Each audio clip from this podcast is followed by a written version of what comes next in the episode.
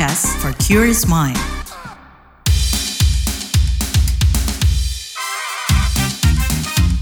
What's Trending KPR Pagi, siaran pagi radio paling update. Selamat pagi. Balik lagi di KBR Pagi, siaran pagi radio paling update bersama Lea Baneza di hari Kamis 22 Februari 2024. Nah, di What's Trending KBR Pagi pastinya Lea mau bahas nih soal si rekap di mata netizen nih. Nah, kalau kita bahas sebelum hari pemungutan suara yang mulainya tuh tanggal 14 Februari 2024, Komisi Pemilihan Umum KPU udah gembar-gembor nih soal pemanfaatan teknologi di pemilu 2024.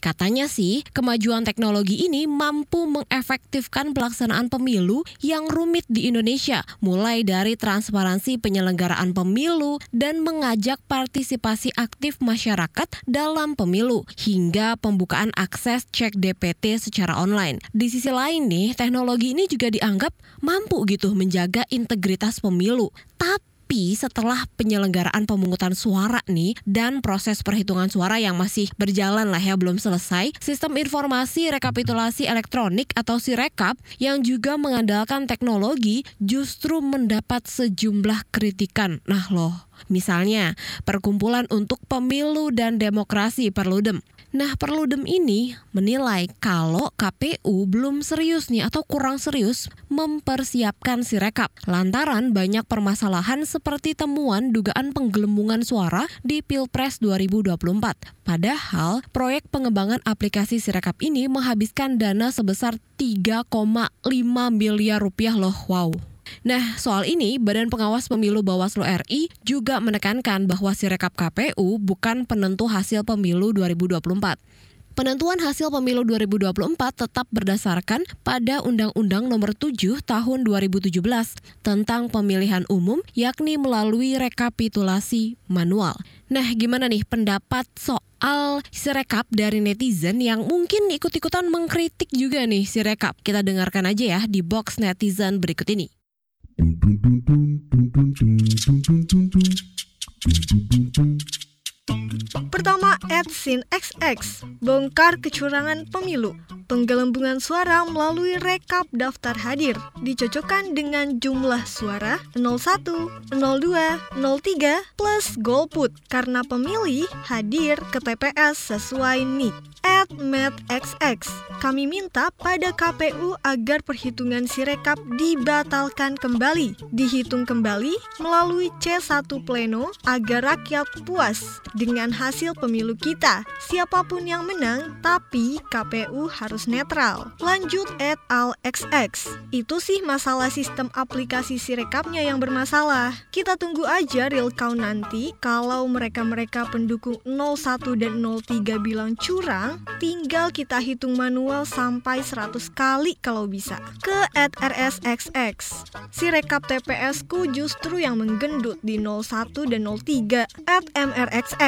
Hitung manual clear. At WNXX. Makanya sebelum digunakan, si rekap ini dikalibrasi dulu. At RonXX. Belajar IT dulu ah.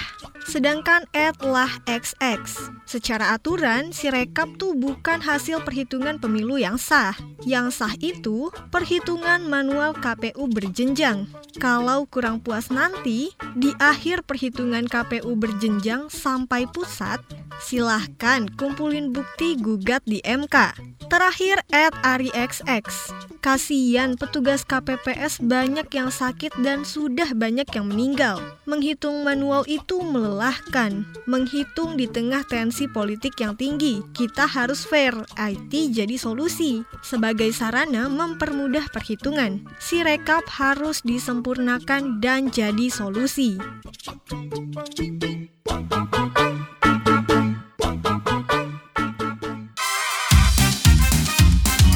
Trending KPR Pagi, siaran pagi radio paling update.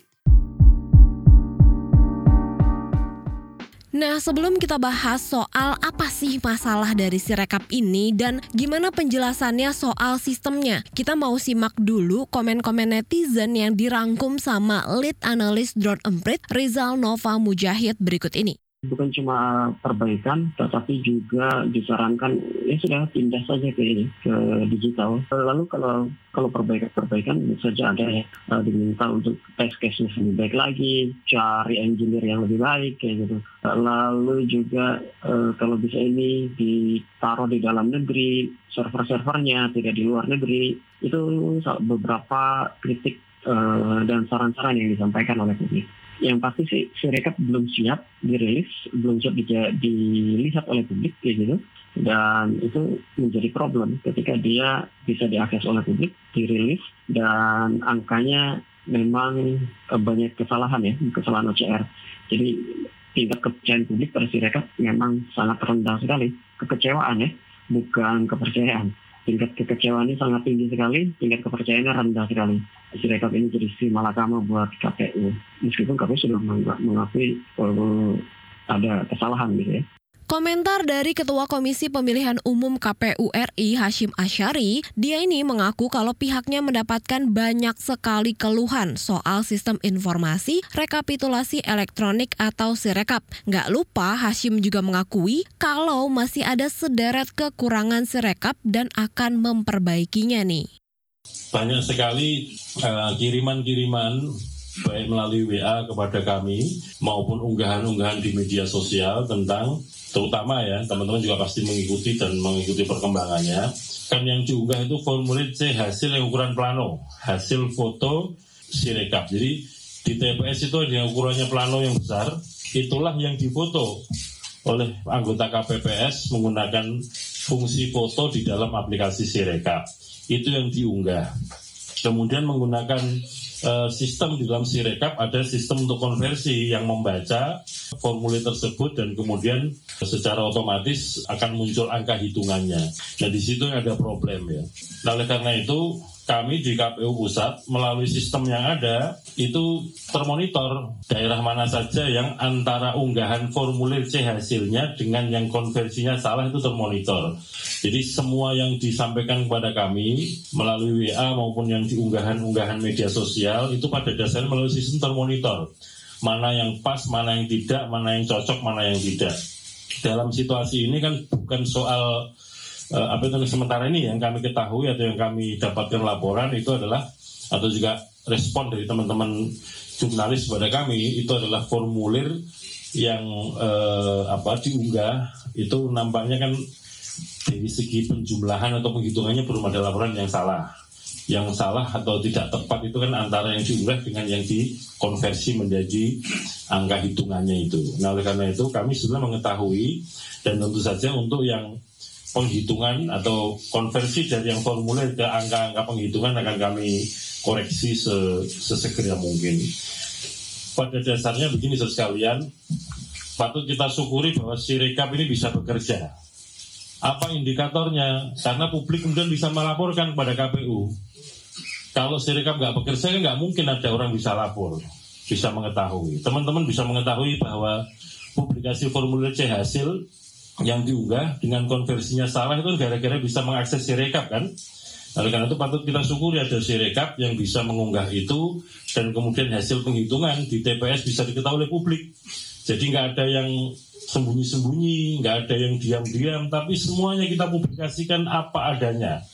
Sehingga katakanlah misalkan ada formulir C hasil plano yang diunggah, ada yang salah hitung atau salah tulis, nanti juga akan kita koreksi. Nah koreksinya kalau untuk yang formulir ya kalau ada yang salah hitung atau salah jumlah atau salah tulis itu nanti akan dikoreksi melalui mekanisme rekapitulasi di tingkat kecamatan. Dan nanti formulir hasil rekapitulasi tingkat kecamatan, volume formulir D itu juga akan diunggah di dalam sirekap. Sehingga nanti siapa pun bisa ngecek ulang apakah formulir-formulir yang katakanlah sekiranya atau seandainya ditemukan yang salah hitung atau salah tulis sudah dikoreksi atau belum di mekanisme rekapitulasi di tingkat kecamatan. Namun demikian untuk yang eh, katakanlah sebagai sistem eh, tidak tepat ketika membaca formulir kemudian dikonversi menjadi perolehan suara itu tentu kami akan segera uh, lakukan koreksi. Tapi publikasi formulir C hasil akan kita lanjutkan terus supaya apa publik mengetahui terus menerus sampai uh, batas akhir dalam arti eh, apa itu namanya formulir C hasil yang ukurannya plano itu bisa diunggah semua dan diketahui oleh semua pihak. Jadi teman-teman teman-teman eh, jurnalis, para pemilih, para peserta pemilu bisa mengakses itu melalui link eh, website yang kita siapkan bisa dibaca eh, di tingkat TPS dan kemudian bisa di-download sehingga eh, boleh dikatakan ya alhamdulillah patut kita syukuri sirekap berjalan. Sekali lagi kalau tidak ada sirekap tentu situasinya gelap tidak bisa kita ketahui perolehan suara sesungguhnya berapa yang kemudian ditulis di dalam formulir dan kemudian diunggah ke Sirekap. Bahwa ada kelemahan-kelemahan tentu kami akan segera koreksi dan kami mohon maaf kalau hasil pembacaannya kurang sempurna dan menimbulkan uh, publikasi hitungannya, hitungan maksudnya konversi dari formulir ke hitungan uh, apa namanya uh, belum sesuai.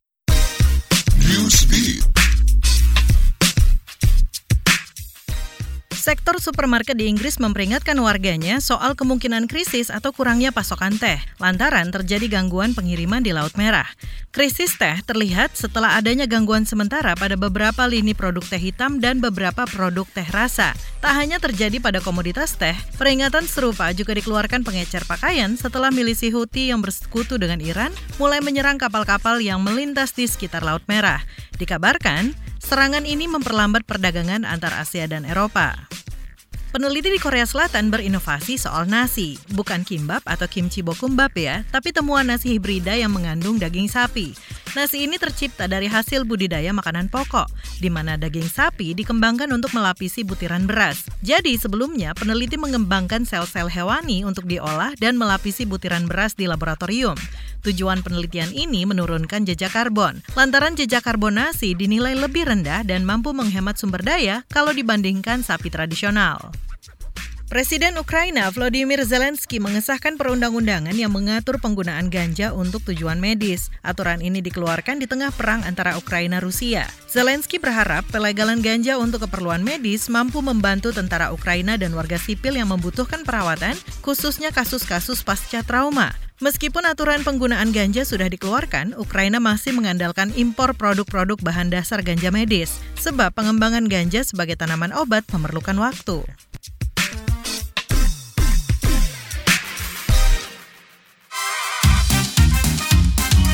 Trending KPR Pagi, siaran pagi radio paling update. Nah, nggak cuma ngomongin soal gimana sih netizen melihat Sirekap ini, tapi kita juga mau cari tahu nih, seperti apa sih sistem yang berjalan di Sirekap ini? Apa kelemahannya sampai menuai berbagai komentar negatif dari netizen plus 62? Kita obrolin bareng pakar keamanan cyber dari Vaksin.com Alphonse Tanujaya. Oke, Pak, melihat persoalan ini, apa aja sih kelemahan dari Sirekap ini? Oke, ini kita ngomong soal aplikasinya, kita nggak ngomong soal legalitas ya, karena Sirekap ini juga tidak merupakan hasil uh, penentuan hasil pemilu yang sah, karena hasil pemilu yang sah itu kan dari rekap dari KPU kan. Kalau dari sisi teknis, Sirekap itu kan menggunakan OCR dan OMR. OCR itu Optical Character Recognition, OMR itu Optical Mark Recognition. Jadi uh, merupakan uh, cara otomatis dari program komputer untuk mengenali karakter untuk dituangkan ke dalam uh, data gitu. Nah, OCR itu tidak ada yang sempurna, tidak ada OCR yang 100% sempurna gitu loh. Jadi ada tingkat errornya. Nah, tingkat errornya ini yang kita kita lihat apakah ini uh, wajar apa enggak gitu loh. Kalau kami punya catatan bahwa kalau kamu bisa lihat uh, data yang saya berikan, jadi kesalahan ketidaksinkronan Sirekap dengan data yang sebenarnya yang sudah dikumpulkan oleh organisasi independen ya. Jadi ada ada organisasi yang saya berikan di Twitter itu Gilang Rata itu dia adalah QC dari uh, pemilu ya. Jadi itu itu uh, pihak ketiga yang independen. Hmm, nah seberapa besar nih Pak kesalahannya? Ada catatan nggak mungkin? Kesalahannya sampai hari ini lebih kurang 600 lebih dari seluruh Indonesia, ya kan? Nah, e, kalau dilihat dari 600 lebih kesalahan, lalu apa yang diupload? Yang diupload itu 800 ribu TPS.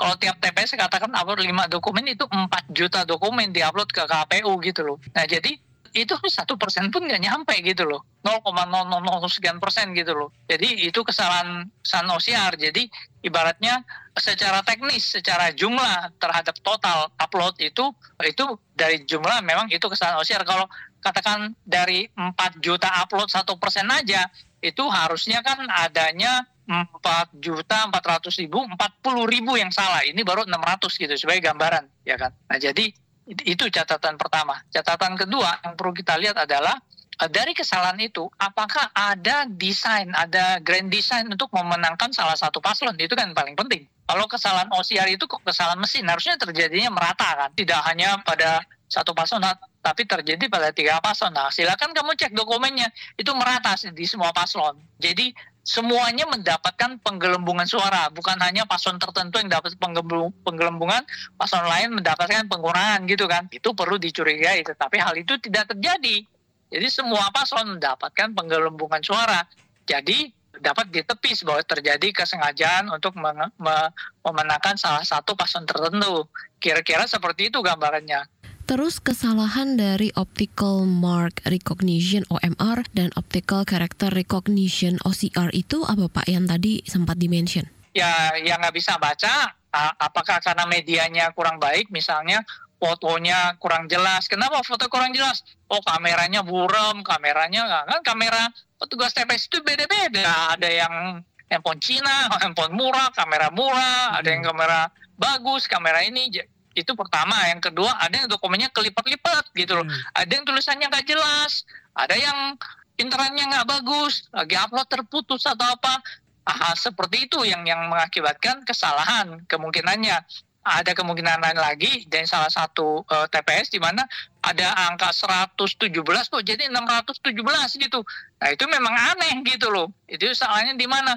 Uh, kalau kita lihat dari proses uploadnya kemungkinan ketika dilakukan koreksi petugasnya TPS yang melakukan koreksi itu salah koreksi. Satu dia ketik 6 sehingga ketika terkoreksi koreksinya salah malah terekam gitu loh. Itu kemungkinan kemungkinannya kemungkinan lainnya dia sengaja masukin gitu loh. Tapi itu kan harus dibuktikan ya. Kita kita nggak nggak bisa nggak bisa menuduh tanpa, tanpa bukti dan dan uh, hal lainnya.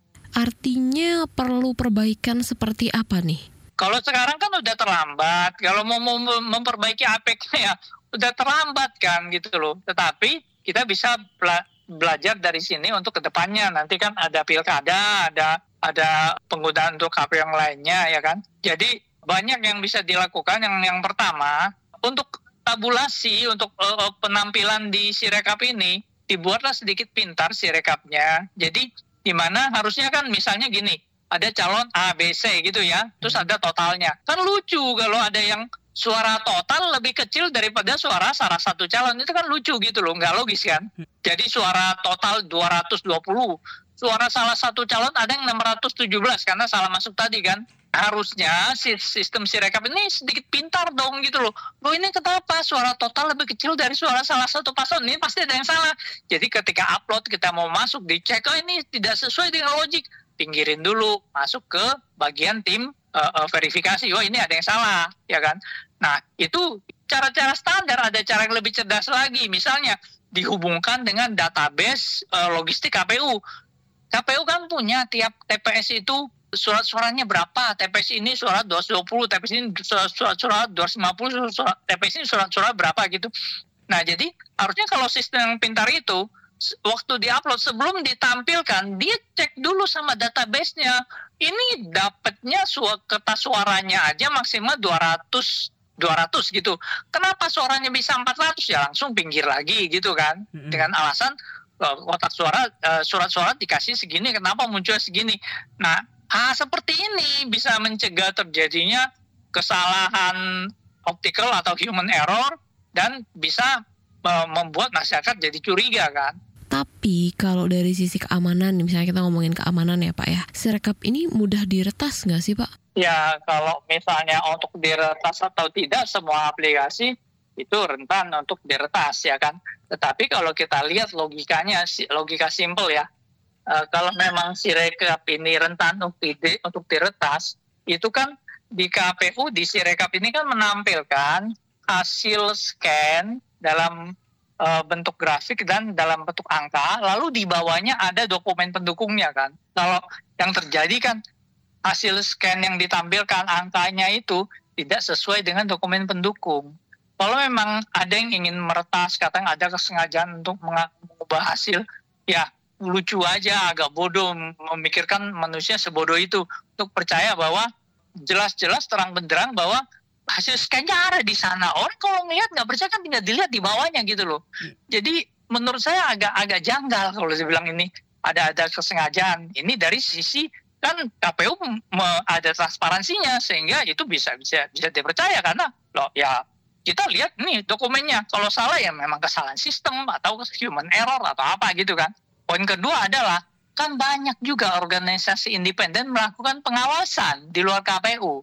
Jadi contohnya ada RG ya kan. Jadi masyarakat bisa crowdsourcing. Tiap TPS habis lihat itu C1 kan boleh difoto. Itu itu legal ya. Foto dikumpulkan ke kawal pemilu .org. Jalurnya berbeda dengan Sirekap gitu kan. Hmm. Nah, jadi TPS-nya sama kan ketahuan uh, kota mana, kabupaten, kecamatan mana, kelurahan mana, TPS berapa gitu. Itu kan yang dibandingkan gitu loh. Gimana logikanya bisa terjadi ini terjadi manipulasi data itu nggak mungkin gitu loh kontrolnya sangat kuat oleh pihak ketiga dan masyarakat. Masyarakat juga nggak mau kan suaranya yang berharga ini di, disalahgunakan atau di ini. Kecuali kalau pencoblosannya itu elektronik. Nah itu akan menjadi pertanyaan besar. Maka bilang hati-hati, jangan sekali-kali elektronik dulu deh. Ini sensitif gitu loh. Oh nggak ada lah dalam dalam sejarah pemilu Indonesia yang kalah itu ngaku tuh nggak ada. Selalu yang kalah bilang curang kan. Ya itulah yang selalu terjadi. Makanya sebaiknya uh, pencoblosan jangan elektronik. Ntar Nah, masyarakat akan langsung percaya ini nggak benar nih, ini pasti dicurangin elektroniknya gitu. Ya, kira-kira begitu. Terima kasih itu tadi pakar keamanan cyber dari Vaksin.com Alphonse Tanujaya.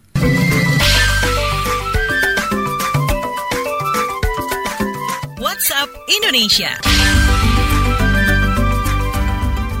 WhatsApp Indonesia kita mulai dari Jakarta. PT Kereta Api Indonesia KAI menanggapi viralnya penggunaan fasilitas stop kontak atau colokan listrik di setiap kursi kereta api untuk menanak nasi. PT KAI mengingatkan, penumpang kereta hanya diperbolehkan menggunakan stop kontak untuk mengisi daya gawai seperti handphone, tablet, atau laptop. Sedangkan untuk keperluan lainnya tidak diperkenankan, lantaran bakal mengganggu pengguna lainnya dan membahayakan keselamatan perjalanan kereta api. Selain itu, penggunaan listrik secara berlebihan dalam waktu bersamaan dikatakan mampu mengganggu fungsi kelistrikan kereta api. Belakangan viral video-video penggunaan colokan listrik di kereta api untuk menanak nasi, kipas portable yang digantung di atas kursi penumpang, hingga catokan rambut. Selanjutnya mampir Ambon, Badan Riset dan Inovasi Nasional BRIN melihat potensi pengembangan ekonomi biru di Ambon, mulai dari luas lautnya, kekayaan sumber daya kelautan, dan perikanan yang melimpah. Melansir Antara News, Wakil Kepala BRIN, Prof. Amarula Oktavian menganggap sumber daya laut sebagai masa depan manusia, lantaran ada potensi besar di dalamnya. Saat ini, kota Ambon juga sedang dikembangkan oleh kampung nelayan pintar pada sentra lobster dan tuna sebagai komoditas utama demi meningkatkan perekonomian masyarakat. Hal ini seiringan dengan misi pemerintah Provinsi Maluku, yaitu pengelolaan sumber daya yang berkelanjutan. Di samping itu, BRIN juga melihat keunggulan komparatif dan inovatif Ambon sebagai subjek riset ekonomi biru karena 92,4% persen luas lautannya mengandung potensi sumber daya kelautan yang kaya. Terakhir ke Pulau Dewata, Baru sepekan penerapan biaya retribusi wisatawan mancanegara, Dinas Pariwisata di Spar Bali mencatat penghasilan lebih dari 9 miliar rupiah. Uang ini dihasilkan dari kedatangan 60 ribuan wisatawan asing yang datang ke Bali sejak penerapan aturan. Kepala Dispar Bali, Jok Bagus Pemayun memastikan pungutan retribusi ini bakal masuk ke kas daerah dan penggunaannya diatur berdasarkan mekanisme APBD oleh Bapeda Bali. Sebelumnya, 14 Februari 2024, pemerintah Provinsi Bali menerapkan pungutan bagi wisatawan mancanegara yang datang ke wilayahnya. Biaya sebesar Rp150.000 dikenakan kepada Wisman untuk keperluan menjaga lingkungan hidup dan pelestarian kebudayaan di Bali. Demikian WhatsApp Indonesia hari ini. Terima kasih ya sudah mendengarkan What's Trending KBR Pagi. Jangan lupa terus dengarkan podcast What's Trending di kbrprime.id dan aplikasi mendengarkan podcast lainnya. Lea Baneza pamit, stay safe and happy. Bye-bye. What's Trending KBR Pagi, siaran pagi radio paling update.